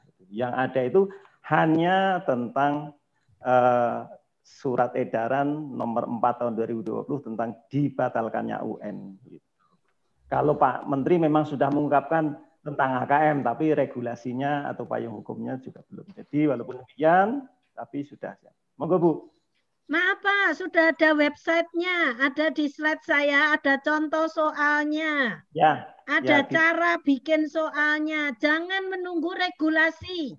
Betul. Yesus sendiri bilang tidak ikut hukum, gerakan hatimu. Biasanya peraturan itu mendadak-dadak, Pak. Tapi kan woro-woro yang baik itu kan eh, oh, sorry ya Pak Theo ya. Ada Pak. Contoh soal, kemudian caranya, kisi-kisinya, question and answer-nya, uh, hukum itu kan tinggal nanti tanggal berapa dan saya nggak tahu lah. Oke? Okay? Ya. Siap. Ya, Bu, saya tegaskan juga itu ada di pusat assessment dan pembelajaran, Pusmenjar. Ya, ada di situ webnya. Jadi semua ada itu yang sudah di-share juga. Terima kasih. Saya begitu Pak Roy. Oke. Okay. Terima kasih Bu Inga, Bu Pateo. Suster, tolong panitia buka Suster Kristin dan Bu Teresia Hardiati karena akan tutup doa dan Suster akan memberikan Eh, kata penutup. Silakan Suster, Suster Christine, Ketua MPK Bogor. Uh, baik Pak Roy, terima kasih. Uh, terima kasih banyak Ibu Inge, Pak Denny, Pak Toto untuk webinar sore hari ini, Pak Theo. Sepertinya Bapak Ibu guru kita yang begitu semangat, ini masih haus.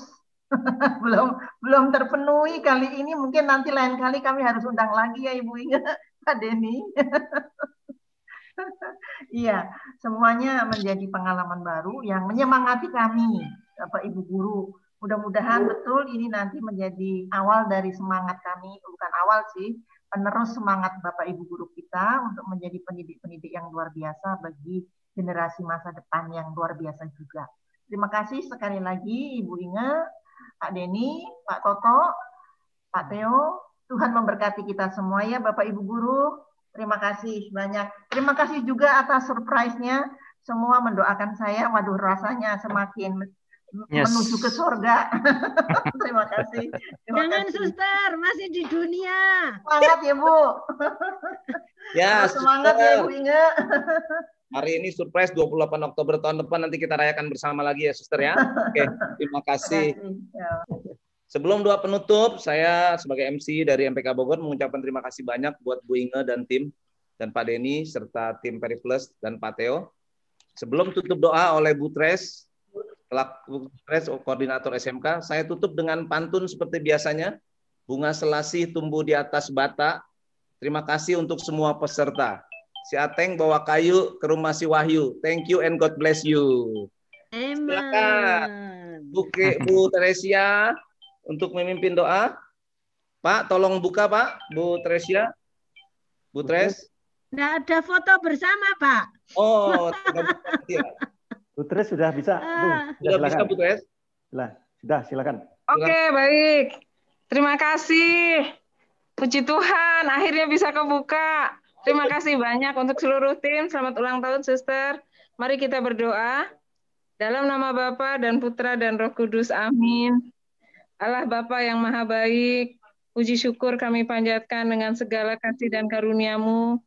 Kami boleh semua mendengarkan begitu banyak paparan yang sangat berarti bagi pendidikan lembaga di mana kami berkarya. Berkatilah para narasumber, berkatilah suster, Christine, yang pada hari ini ulang tahun, sehingga karena belas kasihmu, semua boleh memperoleh berkat, kebaikan, kesehatan, dan kesejahteraan terlebih untuk Pak Roy yang selalu setia mendampingi MPK dan semua jajaran pengurus MPK sehingga kegiatan ini bisa terselenggara dengan baik. Allah Bapa yang Maha Kuasa, ampunilah segala dosa dan kehilafan kami, berkatilah kami dengan segala kehidupan sehingga kami boleh memperoleh berkat daripadamu, kami boleh dipimpin oleh roh kudusmu untuk melaksanakan kegiatan-kegiatan sehingga kami pun boleh merasakan kemudahan dalam melaksanakan tugas dan karya kami. Amin. Dalam nama Bapa dan Putra dan Roh Kudus. Amin. Oke, terima kasih Bu Tres. demikian, Mari foto bersama. Kita foto bersama bagaimana Pak Logi? Foto bersama. Oke. Okay. Yes. Ada 10 yes. kali foto karena ada 10 kali seat. Foto ya, pertama. Oke, okay, foto pertama hitungan satu, dua, ya. tiga. Foto pertama. Yes. Oke, okay. foto yang kedua. Foto yang kedua dalam hitungan satu, dua, tiga. Oke, masih lama lagi nih. Ayo. Masih masih tiga, tujuh foto lagi. Ayo. Foto yang ketiga satu, dua, tiga tiga. Oke. Foto yang keempat. Empat. Foto yang keempat dalam hitungan satu, dua, Sebentar, salah ini. Oke, foto yang keempat. Satu, dua, tiga. Panjang ini. Foto yang kelima sekarang. Maaf Cepat. ini. Iya Bu, maaf Bu. Ayo foto. dua sekarang hitungnya. Satu. Oke, foto yang kelima ya. Satu, dua, tiga. Oke, foto yang keenam kita ngebut. Banyak banget nih pesertanya. Oke, foto yang keenam. Satu, dua, tiga. Ya. Foto yang ketujuh. Ah, ketujuh lumayan nih. Satu lagi sepuluh mas, sepuluh mas Tony, sepuluh ke tujuh. Satu, dua, tiga. Foto yang ke delapan. Kesan menggah-menggah ini. Yang ke delapan, sedikit lagi. Foto yang ke delapan dalam hitungan satu. Oh salah. Foto yang ke delapan hitungan satu, dua, tiga. Oke, okay. ah, nafas dulu. Foto yang ke sembilan dalam hitungan satu, dua, tiga. Terakhir, foto yang ke sepuluh akhirnya. Dalam hitungan ya, sepuluh ini di sini tuh nampak. Oke, satu, dua, tiga. Oh, pas Agus, Pak Agustus Setio di yang sepuluh. Oke, terima kasih untuk foto bersamanya. Okay. Ya. Terima kasih Peri Silakan kontak ke Pak Denny. Terima kasih MPK. Terima kasih MPK. Pak Leo, terima kasih ya. Pak Roy, Suster. Ya, makasih Winga, Pak Denny. Semua materi harus sudah diterima untuk komunikasi dengan Mas Denny. Ya, siap. Nanti akan saya distribusikan yang butuh materi ya lewat eh, grup MPK masing-masing, unit masing-masing, termasuk sertifikat bisa lewat email masing-masing ya. Atau ya, bisa, yang cepat lari cepat sampai lah. Gitu. Ya. Terima kasih semua para peserta. Selamat sore, selamat istirahat. Tuhan memberkati kita semua. Amin.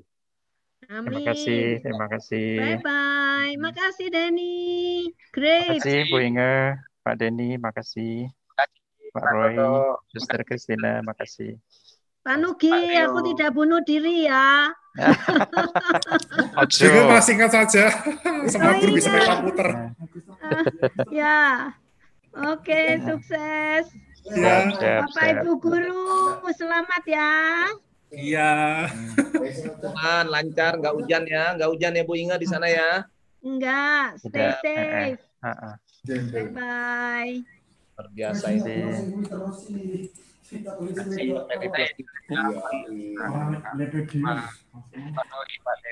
Ya, terima kasih Mas Denny. Ya, Mas Denny. Terima kasih. Terima kasih Pak Denny. Silakan Mas Denny siap-siap sibuk ya. Ya Pak Teo. Siap-siap Mas Denny, nanti saya bawa lagi ya ke Bogor ya, tiap unit ya, nggak dicampur kayak sekarang SD sendiri, SMP sendiri ya, biar tambah banyak penggemarnya ya. ya Pak, kita siap nah. bantu, siap. Di kabar aja Pak nanti. Iya, iya, iya. Saya izin ya Pak. Oke, siap, sore. Siap, siap, makasih. Dion mana. Dion tadi? Pak Dion. Cianjur. Udah turun terus tuh semua. Luar biasa ya hari ini Pak Toto. Terima kasih. Kan ada Pak Roy. Ya, sampai 300-an hampir ya. Dan nggak hmm. hujan dan sampai titik terakhir acara tetap masih full ininya partisipannya ya. Masih tetap 300 Puji Tuhan. Saya khawatir aja kemarin seperti kemarin kita hujan besar itu. Waduh, saya hilang tenggelam. Gitu ya? tenggelam.